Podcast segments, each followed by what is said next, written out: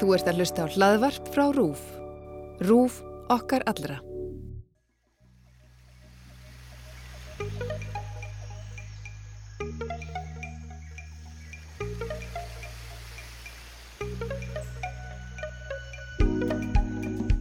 Þú ert að hlusta á X21 sem er kostninga hlaðvarp RÚF. Ég heiti Guðmundur Pálsson. Og ég er Guðmundur Björn Þorbjörnsson. Nú eru 26 dagar til kostninga. Flokkarnir tíu sem bjóða fram í haust hafa nú kynnt stefnumál sín eða flestir allavega og við ætlum að rýna í stefnumál flokkana í dag með góðum gestum. Já, þau eru sestinni hjá okkur Fanni Birna Jónsdóttir sem er dagskakjöramaður hér á RÚF og Þóruður Snær Júliusson, rittstjóri Kjarnans, verið velkominn til okkar. Takk. Þetta eru tíu frambóð, þannig að já, við þurfum að, svolítið svona að vanda okkur kannski fyrir við yfir þetta. Já, við þurfum við kannski reynum að staldra ekki alltaf lengi við hvert flokk en það næga að taka en ef ekki bara byrja á flokkunum sem kynntu stefnumál sínum helgina, vinstir græn, sjálfstæðsflokkur og viðreist og kannski byrjum á vinstir grænum. Hvað ætla þau að gera á næsta kjörtjömbili? Já, þau ætla að gera ímislegt. Þetta er lofarða flaumur þessara tíu flokka sem eru með hérna fyrir framann okkur en vinstri græn svo sem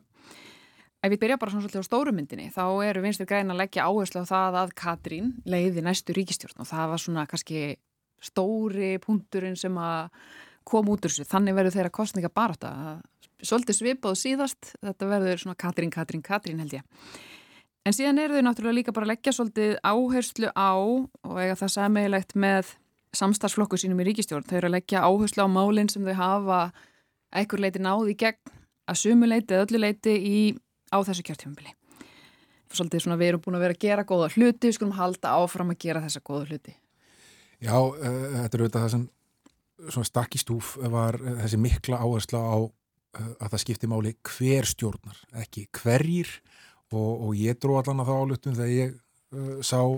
þessa nýðustöðu af fundi vafki um helgina að þar var að tala um einstaklingana í fórustu flokksins en ekki kannski hreyfinguna sem held eh, kannski það er rángdulgun hjá mér en það er upplifunum sem ég fekk að því. Mm -hmm. að það skipti máli kvelstjórnar og, og, og öll áherslan í kostningabaratinni á að vera þar. Og fyrsta stefnumáli sem er tilgreint í, í álíktunni sem er samþitt um helgina er það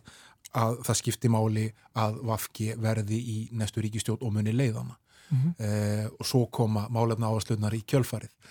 Ég ger mér að leika að skoða uh, stjórnmála álíktun vinstir grætna fyrir kostninganda 2017 og bera næði saman við þessa. Og þar eru þetta mikill munur og kannski eðlilegur að einhverju leiti vegna þess að flokkurinn hefur verið, verið í ríkistjórn og leitt ríkistjórn og eins og Fanni Birna bendi á eðir miklu púður í það að hæla sjálfur sér fyrir því að hafa náð sínu í gegn á yfirstandandi kjörtímabili.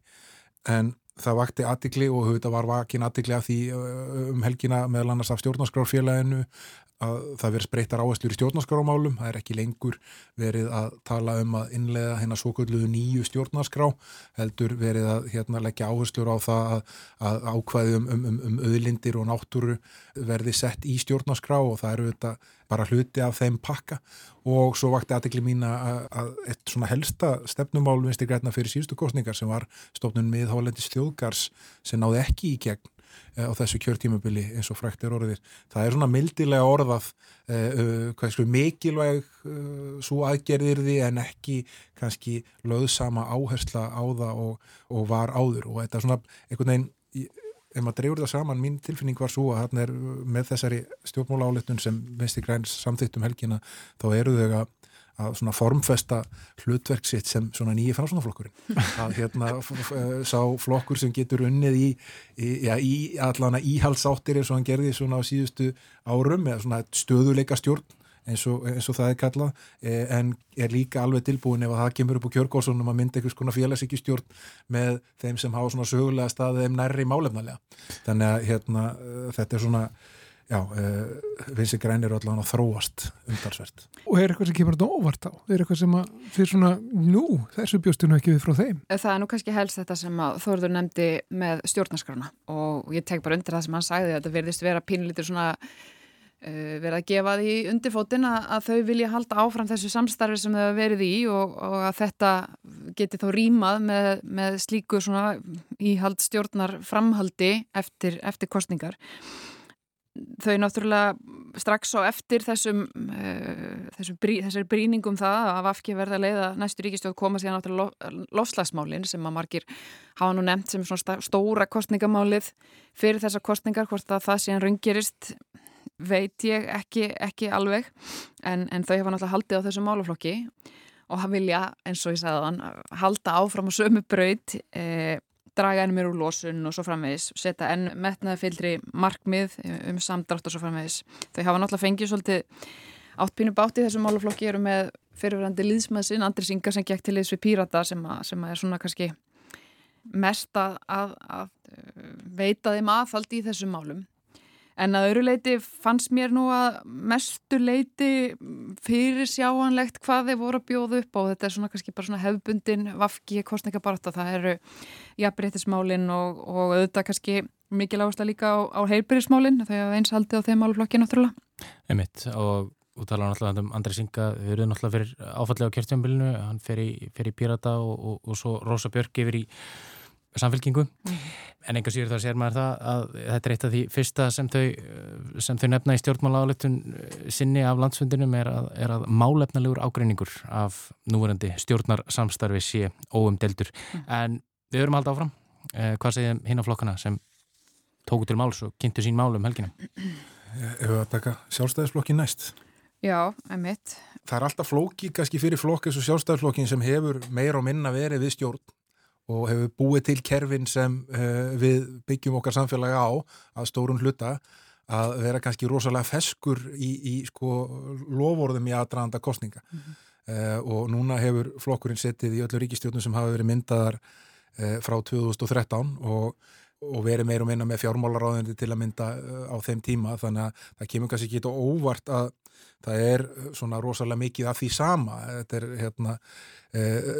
auglýsingastofan sem er með á hefur hérna hlaðið í alls konar skemmtilega kostningafrasa, ég, ég hef mjög gaman að þessu. Þetta er landtækifærana eh, þau eru fólki sem sá tækifærin í vandamálunum ekki vandamálun í tækifærunum. Eh, mikið svona einsorðaslagarar eins og frelsi og nýsköpun og orkuskipti og, orkuskipti. og þetta er svona tísku orðaflæmi. Og með, með svona fótosöpuðu myndum af, af sæmilega hugulegu fólki, hugulegu fólki hérna, ástrætu skilum við um, um höfuborgarsvæði sérstaklega. Og svo er þetta bara mikið bara verja kerfin, ekki fara í stórar kerfisbreytingar, læka skatta, einfaldaregluverk mengabáknið uh, áherslu á alþjóða viðskipti og svo framvegis. Mm. uh, en það sem ég fannst svona kannski sniðugt hjá henn út af því að sjálfstæðarflokkurinn á kannski getur rosalega margar leiðir að uh, stjórnarborðinu eins og staðan er í dag. Uh, eiginlega fyrst og síðast kannski svo ríkistjórn sem sittur núna, áfram, hún sitti áfram er að þau uh, leggja svona áherslu á grænu orkubildinguna um að það séu margar svona markaðslustnir á grænu vandamálunum sem þau vilja standa fyrir þar með opnaðu þetta fyrir kannski myndun einhvers konar ríkistjórnar um þessa grænu efnahags- og orkubildingu sem hérna gæti þá alveg staðið saman af flokkum sem eru alls konar einu höfbundna pólitska litrói eins og svo sem situr núna svo ríkistjórn. Tengja eh, þetta náttúrulega líka inn í nýsköpunamálinn þar sem að þau hafa náttúrulega haldið á stjórnataumanum síðasta kjörtímabil með Þórtísi Kolbúnu var formanni og hún svona verið er núna greinlega í þessum þessum stræt og skíla uh, auglýsingum sem að Þorður að vísi er svona andlit þessa þau náttúrulega bara eins og, eins og Þorður var að segja að tala svolítið um það og virtust vera að reyna einhvern veginn að, að sjá það sem tækifæri, svo ég fari inn, á, inn í þeirra talsmáta að þau væru einmitt ekki eins og þau sögðu sjálfa að draga svona einhver galdrabröðu eitthvað abrakadabra uh, kanínur kanínur upp úr hatti eh, heldur væri þetta svona bara Þetta er íhald að bjóða fram og þar vill fólk ekki sjá kollvörpun og kerfum eða, eða allt og mikið nýtt humbúk. Eh, heldur er þetta einmitt stöðuleiki og, og svolítið mikið að því sama. Eh, með síðan það sem þau vilja gera betur, einhver ný nálgun á málaflokkun sem eru kannski einmitt nýri eins og orkusskiptin. Og, en, en, en síðan er náttúrulega það sem kom svo sem fram áður en þessi flokksráðsfundur var haldur um helgina og það var þessi í rauninni bylting eða breyting á lífeyriskerfinu, eh, ný nálgun í örorkólu og elli lífeyrismálum sem að Bjarni í rauninni kynnti fyrir nokkrum vikum síðan sem að, sem að það er í rauninni að endur skoða það allt upp og nýtt og er í rauninni bara eitthvað stærsta aðgerð sem hún getur séð eða breyting á, á, á kerfum og, og það að koma því í gegn verður verður stórkoslega erfitt og áhugavert að sjá hvernig aðrir flokkar, mögulegi samstagsflokkar e, taka í það og hvernig það verður unnið. Það er svona kannski svona stóra, stóra myndi ég segja nýja, nýja nálgunin og nýja máli þeirra e, en svo sem alveg ekkit e, ekkit launungum ála að það verður deilt mikið á, á lífeyriskerfið yfir leitt þannig að, að það að skoða það að, að það virki fyrir alla eins og á að gera er svo sem alveg verðut verkefni. Já, þannig búið bara algjör endur skoðan. Er talað um það, það fyrir bara alveg að skipulega gefa nýtt. Mm -hmm. Þetta er algjör uppstokkun eins og þau segja sjálf á, á tryggingakerfi öryrkja og, og eins um ellilíferinn, þannig að það er Þetta nú hefur verið reynd áður, uh, mismunandi, kannski ekki beint uppstokkun, heldur svona ekkur bútasömur og, og svona ekkur, ekkur, ekkur sangitnisbreytingar. Pétur Blöndal heitil var náttúrulega svona, þeirra maður í þessu málaflokki á sínum tíma, eh, oft talað um hann sem eina manni sem er rauninni skildið þetta kerfi.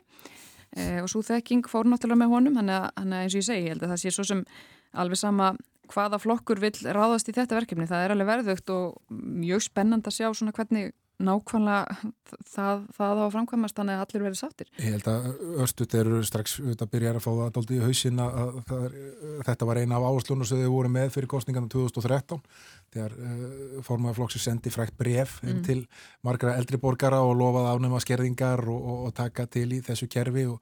og ég sé ansi mörg skjáskot af því brefi núna eh, mm. undir fæslum á samfélagsmiðlum þar sem er verið að eh, kynna til leiks þess þetta nýja kerfi, ég er endar ekki alveg viðkynna fúslega, ég er ekki alveg búin að botna nákvæmlega í hvaða er sem þau ætla að gera eh, ég sá bara Viljón með Ísson hafi kynnt ykkurar tilögur og hérna eru svona býð eftir að fá frekar skýringar á hvaða nákvæmlega fælst í þessu mm -hmm. en helstu áhersluna verðast verið svo fannis að, að, hérna, að draga skerringum eða afnema þær og, og, og fara í einhvers konar struktúrbreytingu á því hvernig fólk er gert að hafa í sjó á uh, þegar það kemst á aldur. Margir af já, fyrir meðlemum sjálfstaflokksins uh, gengur til þessir við, við restna á sínum tíma. Uh, flokkurinn kynnti stjórnmála alvegtun sína um helgina á, á, á landsfundi og, og þar er, er meðal annars talað um það að, að við restniðli binda gengi krónar við evru. Er þetta enþá svona kannski helsti munurinn á þessum tveimur flokkum eða? Nei, það eru nú þetta, kannski Eh, annars vegar þessi áhersla í eh, Evrópumálum og gjaldmiðlamálum sem hérna, eh, verið snuður að þróa meira út í gjaldmiðlamálu upprunlega er þetta eh, óanægu hópur í sjálfstæðarsflokknum sem fer út vegna þess að það gengi bak orða eh, flokksfórustunar eh, sem voru gefin hérna, fyrir kostningan 2013 um það að draga ekki tilbaka umsóknu að Európa-sambandinu án þjóðarakvæðagreyslu Uh, og svo eru þetta þróast núna út í það að verist sér opið fyrir því að, að gera fara dönskulegin og festa krónuna við gengi euru til þess að vera með annan valkost. Og, og það er enþá hluti af uh, persónleika verisnar að vilja að það fari fram þjóðaratkvæðagreysla um það hvort að því að hefja aðelda veru aðra nýju en hittu þetta stóra máli sem aðskilur þá frá sjálfstæðarfloknum er vilji verisnætti þess að stokka upp sjárutskerfi og fara uh, í það að innkalla kóta yfir ákveði tímabill og bjóða hann upp á markaði til þess að fá uh, markasverlagningu á hann og, og, og þá mögulega skila uh, meiri rentu í, í ríkiskassan fyrir vikið. Þetta eru svona tvö stórumálinn sem, sem aðskilja þessa flokka en við erum snuta stendur líka fyrir ímislegt annað og hafa svona verið að auðvitað, eins og það fólk að gera er búin að vera til í tölvöld langan tíma núna og er búin að vera hluti af, af stjórnit í Reykjavík núna í næstu í helt kjörtímabil og þegar flokkar uh, svona komast aðeins á legg þá auðvitað hérna, breytast aðeins áherslunar og það er nú meira í gangi hjá þeim núna en, en kannski hefur verið áður fyrst mér. Þetta er uh, í rauninni mjög svona ekkur leiti sveipaður flokkur uh, án íhaldsins. Þannig er flokkur sem er miklu opnari fyrir því að, að umbylta kerfum og breyta því sem þarf að breyta til þess að hlutinni verði sangjarnari. Eh, það er ekkit alltaf, líkur ekkit almennilega alltaf fyrir hvernig eh, og hvað í því fælst. En ég held að ég tek bara undir þetta sem að þóðast að þetta eru stóru málinn eh, eru, eru Evran og, og sjávorudögurinn. Það er reynda við lendi í smá vandraðum með það og verið svolítið að svona fara fram og tilbaka með það nákvæmlega hvernig þau ætla að leysa uh, uh, þessi sjáuröldusmál en það er nú einu að sagja en síðan er það bara frjálslendið yfirleitt og sér bara uh, öðruvísi nálgun á útlendingamálin, þetta er öðruvísi nálgun á alls konar svona velferðarmál, sálfræði, niðugreislu og fleira og fleira sem að, sem að er svona, já, kannski bara aðeins ég vil, vil, vil kannski ekki alveg segja nútímalega en kannski bara svona poppara einhvern veginn svona þau eru, þau eru bara einfallega frjálslindari, þau eru opnari fyrir eins og ég sagði það, opnari fyrir, fyrir, fyrir breytingum og, og svona kannski, það er auðveldur að vera svona smáflokkur eins og þau eru heldur, heldur en svona mm, rótgróin starri flokkur, það eru, þau eru fljótari að breyðast við og, og, og það er auðveld þegar þeir eru mitt ekki, þetta íhald er einhvern veginn ekki þegar svona viðbröðun eru alltaf, alltaf það að spilna við einhverjum breytingum eins og, eins og er hjá sárstæðisfloknum og einhver leti hjá Vafki líka að þá, þá er auðveldur að breyðast við því sem þarf. Það er kannski 20 viðbútt sem verðt að nefna þær í fyrsta lagi. Þau eru, þau eru með uh, ansi skýra stefnu í heilbyrðismálum sem eru á skjön við þá stefnu sem er kannski ráðandar hjá mörgum félagsikiflokkunum. Uh, það er að segja um, um blandara heilbyrðiskerfið það sem sko engarekstri gefin mun meira svigurum til þess að mæta þeim áskorunum sem heilbreyðiskerfið stendur frammefyrir og þar eru þetta kannski tóna verist betur saman með sjálfstæðisflokknum eh, og líkast til einu flokkarnir sem tóna þannig saman eh, af þessum sem er að mælast inni á þingi. Ég held að píratar hafa nú svo sem líka verið að opna fyrir þetta líka. Já, eh, hérna, og svo auðvitað eins og allir aðrir vegna að það er bræð mánadarins eru þau með svona loftslags áherslur og þau kalla þetta eða auðlýsingastofan þeirra, græna þráðin mm. og, hérna, og græni þráðurinn græni þráðurinn hérna, er þannig að, að hérna, hann á að vera staðfestík á því að viðreist sé sko, nálgist öll mál sem umhverfismál þannig að þetta er svona grand hugmyndum það að í öllum áherslum viðreistnar séu ykkur umhverfis og loftslagsmál eða svona umhverfis og loftslagsmála áherslur sama hvers eðlis þau mál eru mm -hmm. þetta, þetta hérna er, já, þetta er hérna, þetta er alltaf sniðu taktík í Þetta er borgir sem menga, þetta er nú svo sem stef sem að þekkist víða. Græni þráðurinn, uh, svo er flokkur sem er með, já, grænan einkennis lit, það er framsólarflokkurinn. Framtíðin ræðst á miðunni. Þeir séða það núna. Já. Og eini, eini miðuflokkurinn að mm -hmm. eigin mati. Uh, engin aðri sem eru alvöru miðja og, og þá aftur komum við að kannski þess að við vorum að ræða þetta áðan að ef vinsti grænur orðin í nýja framsókn hvað er þá miðjan? En þau, það er svo sem ekkit ekkit nætt kannski rosalega óvænt í, í, í, í kostningar áherslum framsóknarflokksins hann er hérna með sínar landsbyðar áherslur og hann er með uh, innviða fjárfestingarnar og hann er með uh, eitthvað töfra trikk á húsnæðismarkaði mm -hmm. sem er orðið svona eitthvað sem framsóknarflokkurinn hefur já, lagt mikið upp úr alveg frá því að hann var með 90% lánin og svo leðréttinguna og, og, og, og voru á söpumslóðum fyrir síðustu kostningar og núna eru það svona hluteldalán já, fyrir alla mm. sem er stoltið skemmtilegt hérna, hluteldalán til ellir írstega og annað slíkt. Eh, Þau eru náttúrulega að keira svolítið mikið af sínum vinsalasta ráþæra og bara vinsalasta ráþæranum ef ef ég mann rétt ásmundur einar sem hefur einhvern veginn gengið enduníun eftir Katrínu. Náttúrulega. En, uh, gengið enduníun líta á þessu, þessu kjörtímabili og, og, og náða alveg svona bara ótrúlegu stökki í ánægu mælingum. Hann svona er, til að leiða mér að segja, mest ábyrrandi hjá þeim. Lilja náttúrulega lendur í ykkur veikindum í sumar en hún hefur ekki, ekki sérst mjög mikið og, og svo getur náttúrulega verið að við svona hérna höfuborgarbúarnir verðum minna vör við, við formannin eh, Sigurð Inga heldur en kannski þeir sem að eh, búa annar staðar á landinu, ég veit það ekki. Ásmundur náttúrulega byrjaður á TikTok eins og við rættum hérna síðustu viku En það er líka bara þegar maður fer yfir sko, áherslunar og það er það sem framsóknarflokkur gerir alltaf vel að hann, hérna, hann veit, lofar alltaf miklu, það eru mörg uh, og, og dýr lofórð en þau geta virkað í allar áttir sko. hann getur aðalega að segja að þeim veruleika sem kemur upp úr kjörgarsanum og það eru miklar félagslegar áherslur í mörgu sem hann er að lofa. Það eru hérna e, villastæri fyrirtæki borgi hæri skatta e, þau eru með sko þrepaskilt e, skrift, tryggingagjald e, svo vilja auðvitað stækka stjórnsýsluna, þau eru með þrjún í ráðuneyti til þess að leggja áherslu á, á, á, hérna ímsa e, málaflokka. E, vilja vera með sérstaklandbúnar og matvalarráðuneyti, vilja vera með nýskupunarráðuneyti og svo leiðst þannig að hérna og þetta er auðvitað hérna uh, fólk sem kann þennan leik mm. er ekki ástæða lausu að fyrir utan sjálfstæðarflokkin þá er framsóknarflokkur sá flokkur sem hefur eitt mestum tíma í ríkistjórn á Íslandi. Þau eru sko það sem þau gera, þau gera í rauninni píratar eru svo sem er bara svona kostninga eða stefnu, já sérstakka kostningastefnu sem er bara lengt upp í blíuna en, en framsókn eiginlega í rauninni þar á eftir með bara rosalegan pakka og það er rétt sem að Þóruð segir það er mjög mikið af lofórðum og það er mjög mikið af svona spesifísku lofórðum sem kannski skiptir eh, ekki alla einhverju máli en, en svona afmarkaðan hópa fólki. Eh, þau eru að tala um til dæmis stórfælda hækkun og endugreifslim til kvikmyndaðinaðurins sem að í rauninni flestir sko fletta bara framhjá en þeir sem að vinna í þeim alltaf stökk á þetta og hugsa með sér já ok, þetta, þetta er alveg bilding í mínum rekstri og þetta er svona það sem að Framsson gerir Já, ég ætla að leiða mér að segja vel að því að þetta virkar alltaf hjá þeim en þetta verður síðan erfitt að lendi ríkistjórn sem er ekki til í þetta með þeim en, en einhvern veginn sko framsókn framsókn lifir alltaf sko. Er, þetta, þetta greinlega Svo skulum við bara muna, ég veit ekki hvað framsókn er búin að lofa því marga kostningar í, í röð að afnema verðtrið húsnæðislán. Uh, við erum nú enþá þar að, hérna, að það er alltaf farin að stað, íta stað ykkur í vinnu á hverju kjörtímabili en það er engin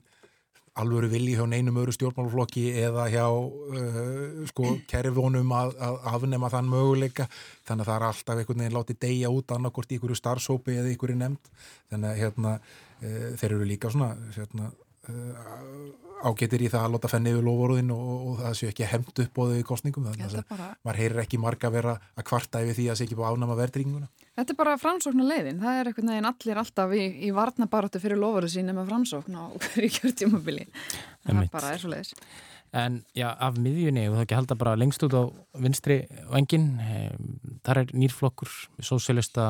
flokkurinn Hvað getið þið sagt mér um, um þeirra stefnumál og, og þeirra áherslur? Uh, þau hafa verið að mælast ágætlega í skoðanakonum önduferðinu? Já, þau eru að leika að mínu viti svona framan á langfæstu kostningabarnum og það er uh, endur tekið efni frá því í, í, í borgarstjórnarkostningunum 2018 þegar flokkurinn bauð fram í fyrsta sinn og, og rak eh, mjög góða kostningabaratu fyrir mjög lítið fjö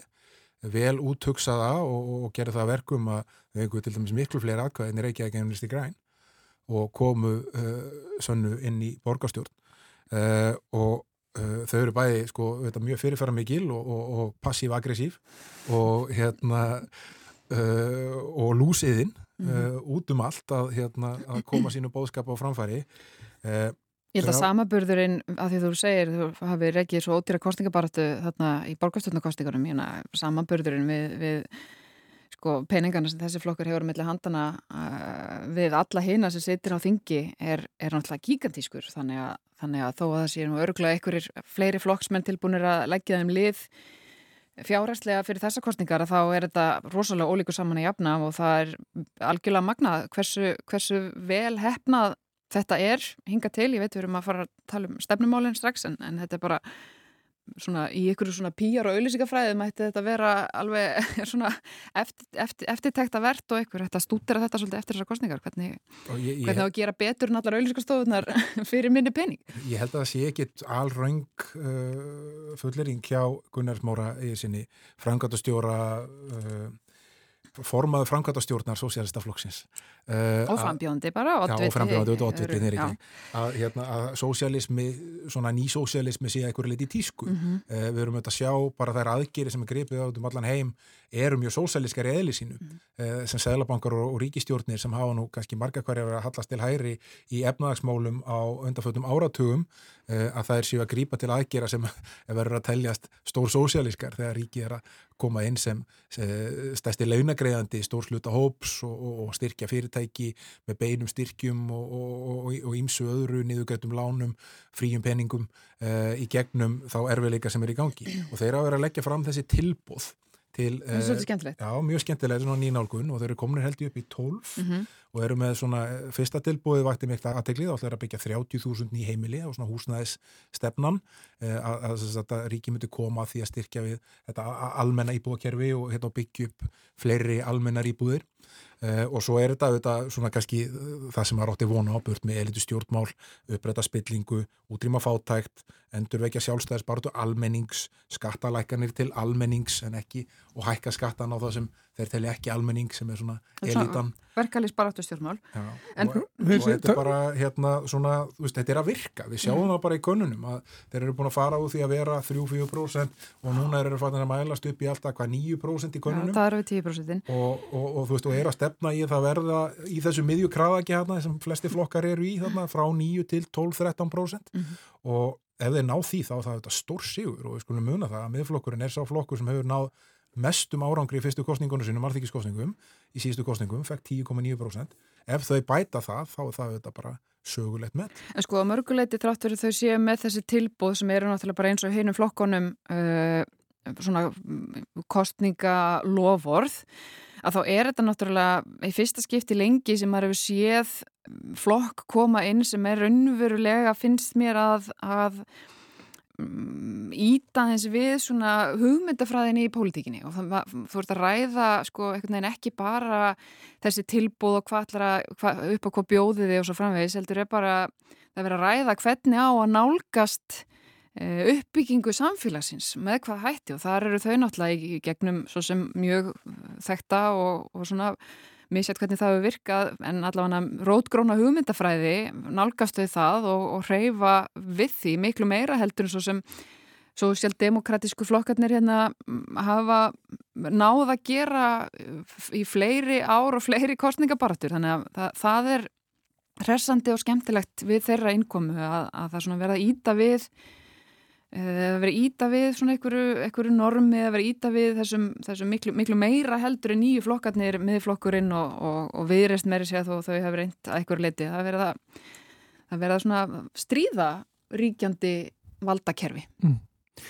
Sósialistar eru með tilbóð uh, miðflokkurinn er með réttindi tíu réttindi sem voru kynnt um daginn. Já, þá erum við komin í hérna, eina skemmtilegustu kynningun á kostningaáherslum sem ég séð fyrir þessar kostningar Var, uh, nú, hér var dreifin upp kanínur hætti. Já, hérna voru kanínur, það voru hérna ansistóra kanínur. Uh, hann byrti kostningar áherslu sinnar, þessar tíu, þessu tíu punktu skjali sem kallaðist tíu nýréttindi fyrir Ísluku þjóðana. Það vildi áhvertu segir hann, að því að þetta er það bara. Já, þetta snýst miðflokkurinn að uppistuðu um Sigmund Davík Gunnlaugsson, ég held að mm. hérna, við þurfum ekki að fara veginn nánar út í það skilgreiningar. Réttindi Sigmundar. Uh, hann uppistæðin í þeim lofurum snýstum það að greiða landsmönum mjög háar uppæðir úr ríkisjóði með beinum hætti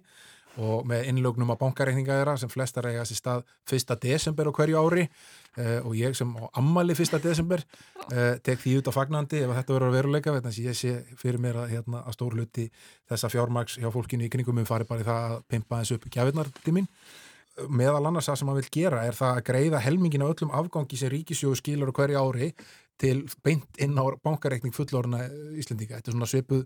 Uh, svona arðgærislu stefna á bankar eru með, borga 50% hagnaðunum í arð og hérna og svo vil hann greiða auðlindegjaldið og það sem við fáum af orkunýtingu, það er að segja arðurinn af landsvirkjun, sölu losunarheimilda með sama hætti beintinn á bankareikning landsmanna 1. desember sem eru þetta fullveldstafurinn uh, hann vil gefa þjóðinni þriðjung í Íslandsbanka beint, það er svona 80 miljardar með markasverðið eins og það er í dag hann vil að það veri greitt eitthvað svona mótframlag úr ríkisjóði til þess að hjálpa öllum að egnast húsnaði og það er ekki hérna kannski kostnaða greint sérstaklega en það eru mjög dýrt. Skulum bara gefa okkur það. Og þá ætla flokkurinn líka að afnema skerðingar, hækka lífeyriskeiðslur upp í lámaslaun og hækka frítekjumark aðdunu tekna upp í svona 500 úrskall og það sem Sigmundur eru alltaf gert vel frá því að hann komin í pólitík 2009 er það að hann hefur tekist að láta, hún hefur tekist að láta kostningabartu snúast um sig og hann er með ykkur svona uh, lofvorð sem eru stór og snúast oft um það að færa fólki eitthvað fjö og svo hverfist einhvern veginn bara áttan um það og mér sýnist hann vera aðeins að missa uh, þetta. Þetta er svo mikið af lofurum, þetta er svo, þetta er svo rosalega margar leiðið til þess að gefa peninga að hann missi kannski aðeins margs hvað svo viðfemt þetta er og það verist ekki, svona anstæðingar hans verist ekki vera bít og agnið um það veginn, að vera að festa sér í þessum lofurum þeim verist eiginlega bara flestu vera alveg saman Svo þannig að þá missir hann kannski þetta, svona, þetta hættulega yfirbræð sem hann er búin að vera með. Ég held að geti líka verið að því að þetta er svo mikið þetta er svo mikið af, af endurgreislum sem að verið er að lofa fólki að fá millifært þarna ámvælinast þorðar eh, að, að sko þegar sko þriðið að fjóruða til hann kemur þarna þá, þá verður þetta eiginlega sko ótrúverðut og þrátt fyrir að mörgum hafi fundist að þegar Sigmundur fyrir að lofa ykkur um endurgröslum og ykkur svona Eh, einhverjum uppstokkunum sem að, að einhverjum kann að hafa fundist ótrúverðuðar þá hefur maður samt alveg trú á því að hann muni láta hlutin að gerast. En þarna eins og, eins og þorðið sér, þetta verður svo mikið að svona maður bara eiginlega mm, raunverulega missir trúnaði að þetta sé framkamalegt og það, það hefur ekkert alltaf verið þannig þegar, þegar segmyndur eru að lofa einhverjum kaninum svo kannski örstuðt með aðrar áherslur hérna, þú veist, þá eru þetta annað sem svona hefur skilgjandi fyrir miðflokkin sérstaklega eftir að hann var til, það er svona tilrunir til þess að koma að stað ykkur svona menningastriði á Íslandi, sem er svona pólitík sem hefur gengið vel í bandaregjónum og ykkur liti Breitlandi og við annar staðar. Uh, og, og, og það síst svona um hérna, afstöðu til útlýtingamála og, og hérna svona þjóðirniskendar og sjálfstæðisbaráttu og annað slíkt og það er auðvitað eitt og annað þannig inn í þessum pakka líka. En, en Uh, en við sjáum enga sér á, á frambóðslistunum þeirra að, að þeir eru kannski aðeins miðflokkurinn svona aðeins, aðeins fjölbreyttari þar heldur en, heldur en áður. Já, þú verðast að hafa tekið þeirri gaggrinni svolítið, svolítið, uh, svolítið til sín. Fleiri konur og það eru, það er fólk af, af, af mismöndi kynþáttum líka á, á frambóðslistum og, og hérna færri, skulum bara segja það upp átt svona kannski gráir miðaldra eða síð miðaldra kattmenn sem voru auðvitað nánast öll fórista flokksins og allu þingflokkurinn mínus einn á þessu kjörtímabili. Þannig að hérna það er uh, svona, hann verist alltaf aðlegast í og kannski lítið annað hægt eftir klusturmálið og annað þýting. Emitt. E, þá skulum við fara okkur yfir í samfélkinguna. E, samfélkingin e, kynnti sín stefnumál núna í miðri viku að með minnir, mm -hmm. miðri síðustu viku. Hvað ber svona einna helst, já, hvað er að fretta þann úr, úr, úr samfélkingunni? Tölversta nýjum frambjöndum? Já, tölversta nýjum frambjöndum. Sko, samfélkingin gekk í svona, já, það var, það gekk ímislegt á þegar þau voru að velja á listana sína og ætluði einhvern veginn að reyna svona að gera það betur en áður og betur en aðrir með því að vera með þetta forval og, og það veriðist hafa e, skilað svona þeim sem því réðu fytni niðurstuðu en, en, en skilaði líka því sem að gerist náttúrulega ofta að, að grafsrótin var ekki sátt og það er alltaf rosalega erfitt og það er sérstaklega erfitt að því að samfélkingin sem var bara fyrir segja, ári síðan í kjörstöðu e, þar sem að Vafki var svona svolítið að missa fylgi og e, þessi svona sósialíska tíska var svona kannski að byrja banku upp á e, af alvöru hér.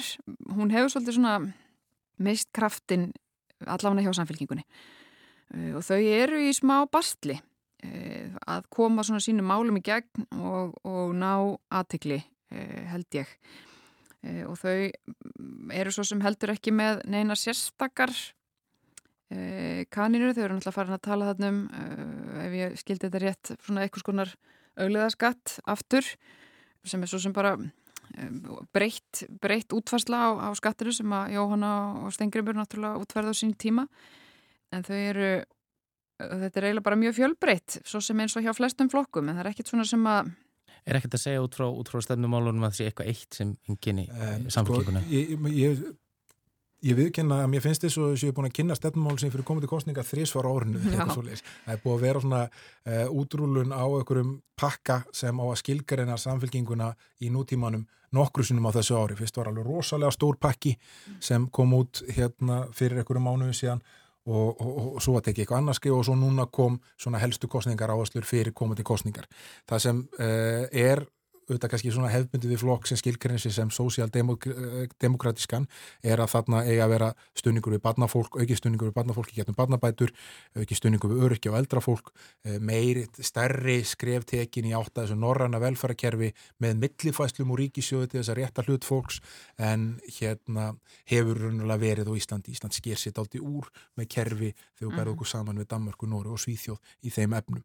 Uh, þau vilja auðvitað hérna, þrepa skipta skatta, þau vilja vilja eins og pannum byrtist á auðlegaskattin í nýjum búningi sem heitir núna stóregnaskattur og á að leggjast á allar eignir sem eru yfir 200 miljónir og uh, þau telja að, að, að þau geti sótt 25 miljardar til þess að fjármagna þessar kerfisbreytinga sem ég talaði um áðan með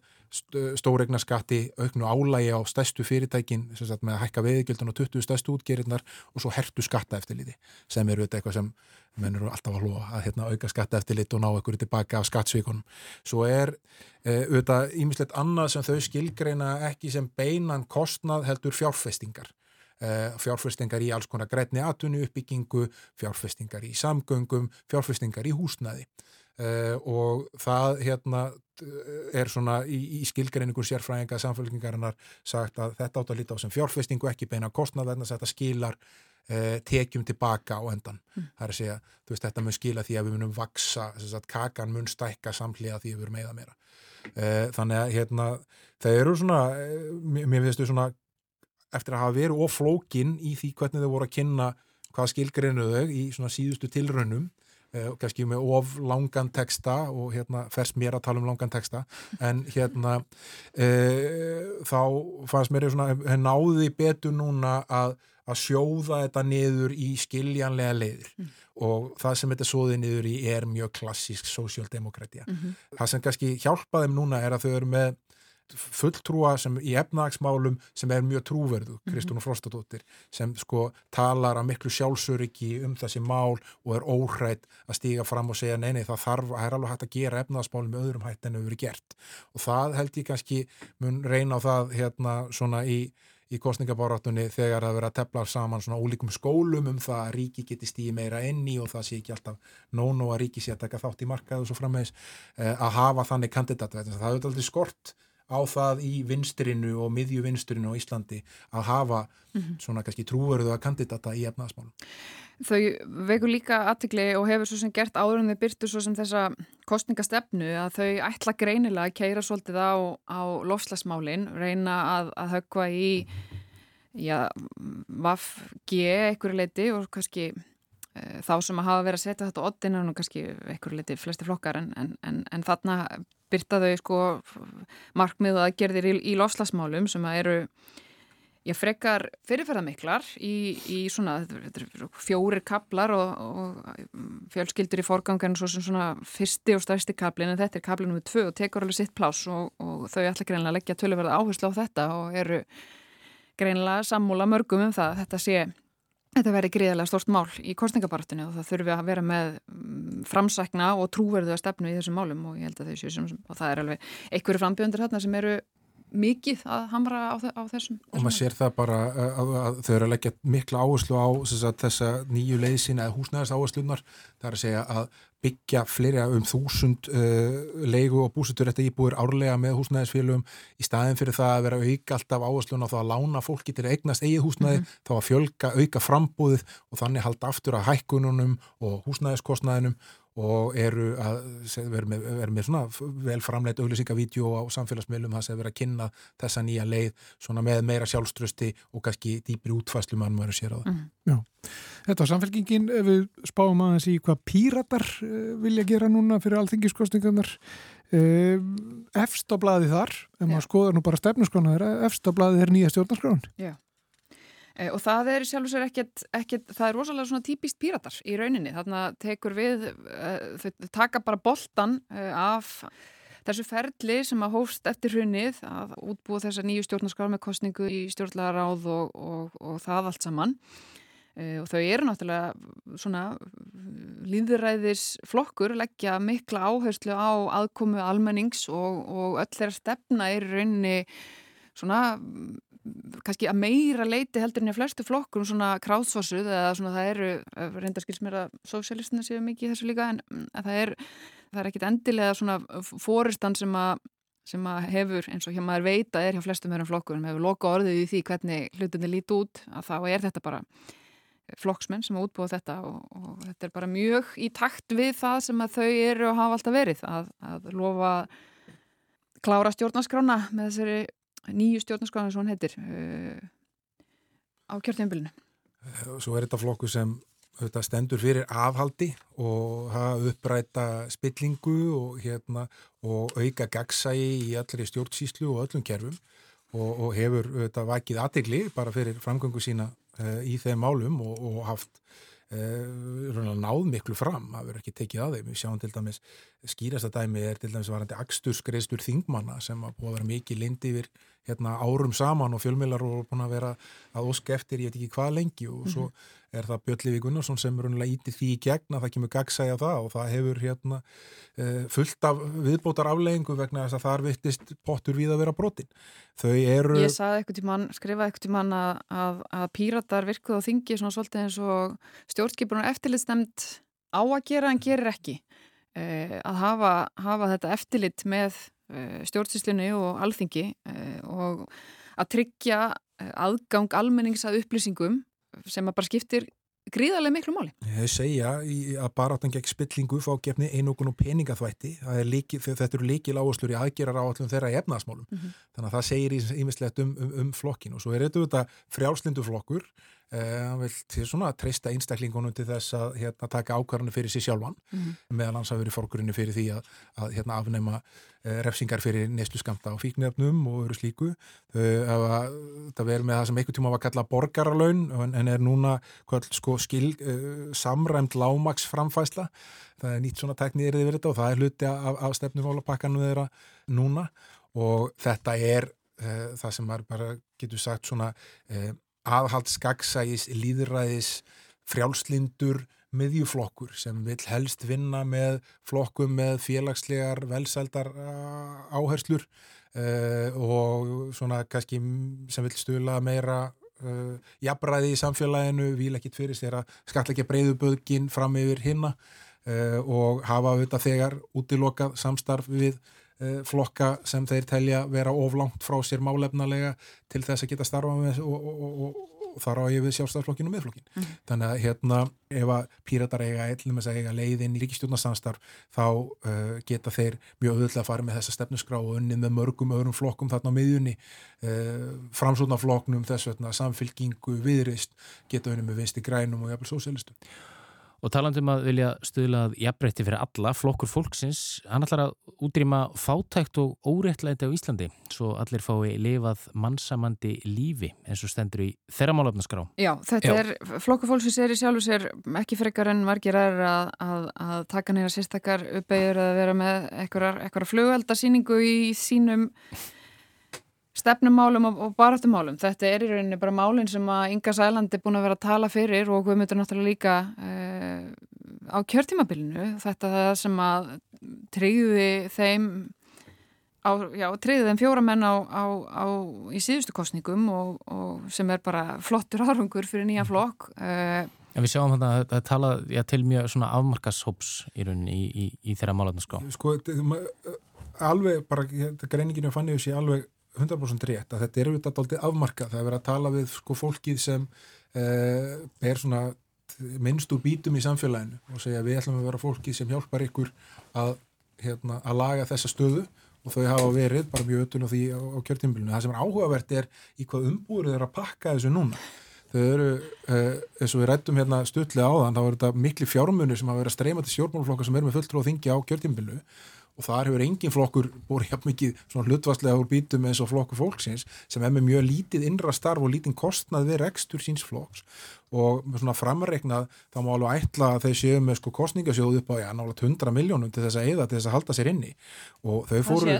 og þau fóru í sko litgreiningu og byggu til nýtt logo og tóku upp nýja liti og eru búin að fá alls konar þjóðþægt fólk til þess að koma og setja á uh, listum hjá sér, fólk úr hagsmannsamtökum heimilanna, fólk úr stuðmönnum uh, viða að úr, úr samfélaginu og kannski ekki endal alltaf fólk sem að tengir við baráttu fyrir fátækt. Eh, mér finnst svona áhugavert ef það er eitthvað svona masterplan hérna á bakvið hvert það er. En hérna þau hafa lagt mikla áherslu á það að vera mjög sínileg, eru búin að vekkfóra samfélagsmiðla eða allra flokka mest á samfélagsmiðlum hinga til.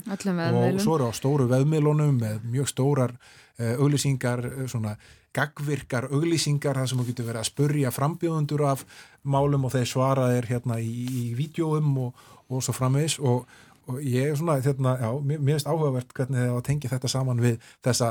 eh, skýru baráttu fyrir fátækt, fátækafólki sem, sem Inga Sæland hefur alltaf staðið fyrir mm og var til þess svona hennar framistað á lokametrunum fyrir síðustu kostningar í kostningarsjónvapinu eh, sem var til þess að hún fekk eh, það fylgi sem fleittinni með þrjá aðra inn á þing þá. Já, eh, ég menna það var bara mjög trúverðugt, trúverðu framistaða að þarna væri á ferðinni kona sem, að, sem væri bara algjörlega brjáluð yfir stöðunni eins og hún, eins og hún var og er uh, og, og ætlaði sér að gera eitthvað í því og svo þarf, þarf hún náttúrulega bara að leggja það í dómkjósenda núna hvort að, hvort að nóg hafi verið aðgert og spurning náttúrulega hvort að hún hafi verið ykkur stöðu til þess að, til þess að koma þessu að. Uh, ég er mjög gaman að, sko, ef maður skoðar heimasíðuna hjá þeim og þarna stefnum mála listan að þá er hann svona uppsettur bara svolítið af einhverju auðvísikostöfu mjög fallega og í réttu litum og svona góðu litri eh, en það er rosalega mikil ynga sæland í þessum texta því það koma svona upptalningar á hækka frítökjum, marka ellilíferis og svona og svo kemur alltaf inn á milli sko enda setningarnar á eða, eða hvort þetta eru sko hérna fyrirsagnunar að, að það kemur svona upprópunmerki og það finnst þetta svolítið svona rosalega mikið í yngu anda að, að, að þetta er svona upptalning og alls konar hlutum og, og lovorðum og svo kemur eitt svona einn ein upprópun inn á milli alltaf reglulega. Ég hef doldið gaman að því og, og hérna, skiptir náttúrulega mála að vera sanga með sjálfur sér. Þá, þá snýst, uh, snýst þessi pólitík fyrst og síðast um það að, að breyðubögin er að borga miklu meira mm -hmm. og þeir sem eru í, í, í svona í læra enda e, e, efnagsleira velsældar á Íslandi er að borga miklu minna og fá meira. Og breyta kerfunum uh, til þessa að svo verði. Mm. Sko við erum búin að fara núna yfir nýju frambóð sem eru bara ansið vel sem vikið. Eh, það er eitt frambóð eftir, það er frjálslendi líðræðisflokkurinn sem er nýtt frambóð. Eh, það hefur svona leið í loftinu svolítið tíma og tengist náttúrulega stopnanda eh, þess frambóð sem er Guðmundur Franklín sem bauði fram til fórseta síðast. Hvað hafa að segja okkur um, um, um frjálslenda líðræðisflokkin? Stefnumálin eru svona... Þau eru 66. Já, og þau eru fara svona víðan völl og það er, rosa, það er erfitt að fylgja, það er engin, sko, engin svona yfir málaflokkar þar sem það séðan sko lofurinn eru greint eh, eftir þeim, þetta er svona þetta fylgir engri sérstakri uppsetningu eða reglu, ég veit ekki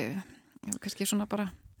Ég með ekki alveg hlaupið yfir svona nokkur eh, bara út frá því hvað þau heita þessi 66, það er allt frá því að vera fjalla um þjóðarakvæðgreslur yfir það að frelsa Julian Assange yfir það að skora að fjalla um áskorun Helga í góu yfir það að gefa þriðjungs, að tæpa þriðjungslút í Íslandsbanka eh, yfir í orkupakkamál eh, yfir í mengunarkvóta yfir í eitthvað sem heitir Akureyri Guldfoss Vest fyrir þjóðvegur 1 og, og svo framvegs, þetta er hérna þetta er út um, svona daldi út um allt. Mm -hmm. eh, rosalega mikið af, af lofurðum og hérna mörg sem eru alveg þess eðlis að þau getur rýmað við ímsa aðra flokka. En svo eh, eru síðan önnur sem myndu líkast til vera í fullkominni anstæðu við, við, við stefnu og málefnar áherslur sömuflokka þetta er það vítt og, og það umsöða mikið það sé engin leið að flokka þennan flokk á neitt svona sérstakann hvarða stjórnmálana, hvort heldur sem er milli íhalds og frálslindis kannski nær íhaldinu eh, hægri vinstri, þetta er, þetta er svolítið svona bara ég ætla að leiða mér að segja svolítið tilvíljana kent og, og ekkit ólíklegt að ef að, ef að hvaða manneski sem er myndi bara henda niður svona mig langar lista það er því svolítið svipað, þetta verðist vera miklu leiti svolítið svona bara án þess að ég þekki það til hlítar bara svona e, óskalisti Já, við getum sagt Já, formansins, er það ekki? Eitthvað sem maður myndi kannski segja væri svona uh, já, svona snjókortna áherslur svona, svona kannski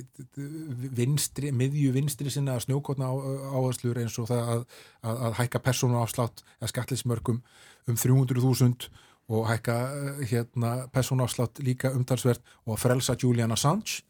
En svo hinvögin eru sko hlindi að Reykjavík flugullu verði áfram í Vasmýrinni Eftirlitsíðnaðurinn mingaður Eftirlitsíðnaðurinn mingaður og hérna Uh, og, og, og með áherslu í orkubakkamálum sem eru svona kannski ja, ekki mjög frjálslindar mm. Nú fekk, nú fekk Guðmundur Franklin svona í kringu 10% í, í, í fórsættakostningunum í, í fyrra. Er, eh, já, líklegt að við séum að sjá eða svona stuðnist með þessa flokk séu uh, þetta séu svona persónufylgi við, við hann eða, eða hvar er þá þessi flokkur að fara að sækja sétt fylgi Ég held að sé mjög erfitt að, að, að bera saman uh, sko, fórsættakostningar mm. þar sem eru tveiri frambóðu sittandi fórsætti sem hérna auðvitað er alltaf með eitthvað óanægi fylgi líka uh, sem geti útskýrt gúst, að hluta til hvað Guðmundur fekk ekki kannski endilega að fólk hafi verið keft fyrir hans áherslum uh, og það þegar við erum að fara inn í, í sko, þingkostningar með tíu mismöndi flokka það sem líkast til margir þeirra sem kusu Guðmund í fórstakostningurum geta fundið uh, sinni pólitísku stöðu annan farveg en í frjálslinda líðræðisflokknum uh, en þetta verður bara áhugert það er hérna uh, var á auðvitað aldrei að segja aldrei í þessu, það er oft sem hérna þeir sem eru afskrifaðir fyrst koma mest á óvart. En það- við það er það í náttúrulega munur er munur þessum tveimur nýju flokkum samt sem áður að það er, það er algjörlega augljóst að sósélstaflokkurinn hefur verið að undirbúið þetta í langan tíma, er skipulaður, hefur allt þetta kjörtímabil verið að vekja áherslu á sér, vinna sín stefnumál, svona sæmilega mikið fyrir opnum tjöldum, ekki látið sín mál snúast um, já, Gunnar Smári hefur náttúrulega verið mjög fyrirferða mikill en, en, en þau byrti ekki listana fyrir tildulega seint, þannig að þetta verið ekki snúist einhvern veginn um frambjönduna og verið eitthvað svona eh, eitthvað svona klapp á personum heldur, heldur bara þau eru vel undirbúin með, með svona vel ígrundaða stefnusgrá og, og sín tilbóð og það sést alveg að þessi flokkur hefur ekki verið í sömu vinnu allan þennan tíma hvort að það er græðu því að tapa, ég veit ekki. Þeir vilja beint líðræði, þeir vilja þjóðratkvæðagreislur, já, berjast gegn spillingu. Það eru rosalega margir sem geta fundið fullt í með eins og, eins og Þórður sagði þetta er meir en 60 stefnumál og það er alveg klárt að einhvert okkar geti fundið fullt af hlutum þarna sem við erum fullkomlega sammála. En aftur eins og Þórður sagði hvort það sé ekki einhverja aðri flokkar sem að þá tala hans breyðara e, tilmanns að því að, að því þetta fer svo mikið um viðan og svona svolítið óskipulegt að, að þá, þá er svona svolítið erfitt að, að finna þessu hugmyndafræðilegan hugmyndafræðilega staðsetningu sko. Þetta er svona daldið svo, svona bistróar sem við öll farið á okkur svona þekktum sumarlifi stöðum þar sem uh, það er matseðil til þess að þóknast öllum mögulegum þjóðurnum og öllum mögulegum löngunum. Þannig að þú getur fengið allt frá exotískum, uh, asískum mat yfir í pítsur og hambúrgara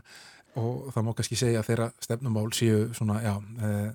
þau eru uh, Tenerife staður uh, íslenskar stjórnmála uh, fyrir þessar kostningar. Já, eitthvað fyrir alla. Eitthvað fyrir alla. Já. Við komum ekki lengra núna, við erum búin að fara hérna yfir sko helstu mál tíu frambóða sem að er nú bara vel Já, og innan við klukkutíma það er- það er þokkalega vel gert en það er betur en En nú er að bara fyrir kjósendur að, að lesa þetta allt saman sjálfur og, og kynna sér þetta, það er svo leys. já, já, þetta er náttúrulega allt á, á netinu og um að gera að kynna sér þessi mál vel. Eru þið annars bara svona almennt uh, spennt fyrir þessum kostningum eru það spennandi kostningar er það skemmtilegt? Uh, hefur við gott í vandum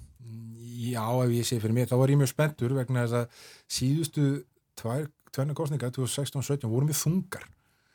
þungur aðdraðandaðum uh, 2016 eftir Panamaskjölin og hérna svona s- reið og erfið stemning og, og, hérna, og ennþá verri fyrir 2017 eftir, ærumáli. svona, eftir uppreist ærumáli sem verður til þess að, að, að, að þær kostningar fara fram og þetta er náttúrulega- engin aðdraðandi ríkistjónu springur 15. september og svo eru kostningar í loka oktober þannig að hérna, maður er búin að vera spenntur en það sem kemur óvart er hvað þetta er lengi að byrja mér finnst svona, hérna eins og við sögum með upp að með sósélstaflokkurinn eiginlega vera eini flokkur sem byrjar að eitthvað alvöru. Og uh, ég held að þetta myndi byrja mun fyrir í ágúst en núna erum við að detta inn í september og, og, og, hérna, og þetta er svona rétt aðeins að hefjast en ég á vona að það færist meiri harka í þetta þegar hérna framlega stundir og ég er mjög spenntur að sjá það er hérna, það er allt í kortónum eins og staðan er núna. Það er engin svona engin örug sínileg ríkistjórn sem, sem blasir við, meira að segja setjandi ríkistjórn er ekki að mælast með í könnunum með meiri hluta atkvæða á bakvið sig og aðrir svona kannski líklegir kostir fjöraflokka félagshyggju eða miðju kostir eru bara mjög svipuð róli í, í, í saman sko með 47-48% sammeilegt fylgi og ríkistjórni þannig að þetta virðist alltaf að vera mjög tæft og, og, og ef að það gæti alveg komin upp svo staða sem kom einn upp eftir kostningarnar 2016 að það sé eiginlega ef að mynda ríkistjórn með fjórum flokkum eða undir þá sést að fara að horfa á það að þetta séu já, 33 á móti 30 þingmönum eða 32 á móti 31 sem er auðvitað kannski ekki óska staða þegar með marga stjórnmáluflokka eða við sjáum kannski einhverja kúvetingu og sjáum minnulutastjórn í Íslandi, það verður þetta áhugaverð tilraun. Við höfum ekki séð svona það nema til, til, til, til hérna, þess að brúa eitthvað bil í, í, í sögunni þannig að hérna, fyrir svona áhuga fólkum pólitík er þetta mjög spennandi eh, það finnst mér allavega og ég er, hérna, ég er alveg feikilega spenntur Ég tek bara undir þetta. Ég, mér, ég er mjög spennt bara fyrir, fyrir sko kjördegi og kostninganót. Ég, það er svona svolítið eins og loka umferðin í, í boltanum. Ef maður má tala um hann núna, að það er svona bæði spenna sko í, í efri hluta deildarinnar og, og neðri er, er hverjir falla, er eitthvað að fara dett út, það gæti alveg gerst. Og, og tveir nýjir flokkar ná þeir inn og alla líkur á því og, og vel það með, með sósælistana og hversu mikið fá þeir og, hversu mikið fá þessi minni flokkar. Og, og svo er mitt hverjir fá nægilega mikið til þess að geta verið í ykkur kjörstöðu fyrir ríkistjórnamöndin ég held að það sé gríðarlega spennandi og svo náttúrulega eins og alltaf dagarnir og jafnvel vikurnar sem taka við í, í kjölfarið það er við ríkistjórnamöndin ég held að geti, tek bara undir þessu þóðursa, ég held að geti verið algjört kraðak og vandræði og mjög spennandi spennandi tímar að ganga í gard Já. Þú setja punkt hér, Þorðusnæri Júliusson og Fanni Birta Jónsdóttir, takk fyrir komuna Takk. og bara góða skemmtun, hefur ekki bara segjað það? Sumulegis. Þú varst að hlusta á kostningarhlaðvarp RÚF X21 sem verður ekki lengra í dag. Ég heiti Guðmundur Björn Þorbjörnsson. Og ég heiti Guðmundur Pálsson. Nýrþáttur af X21 byrtist síðan á morgun í hlaðvarpsveitunni þinni eða spilara RÚF og þá er komið að öðrum þætti þar sem eh, frambjóðendur fá að láta ljósitt skína. Já, þá ræðum við við Jódísi Skúladóttur Ottvita Vinstri Grætna í norð-austur kjördami. En við komum ekki lengra í dag, heyrust á morgun.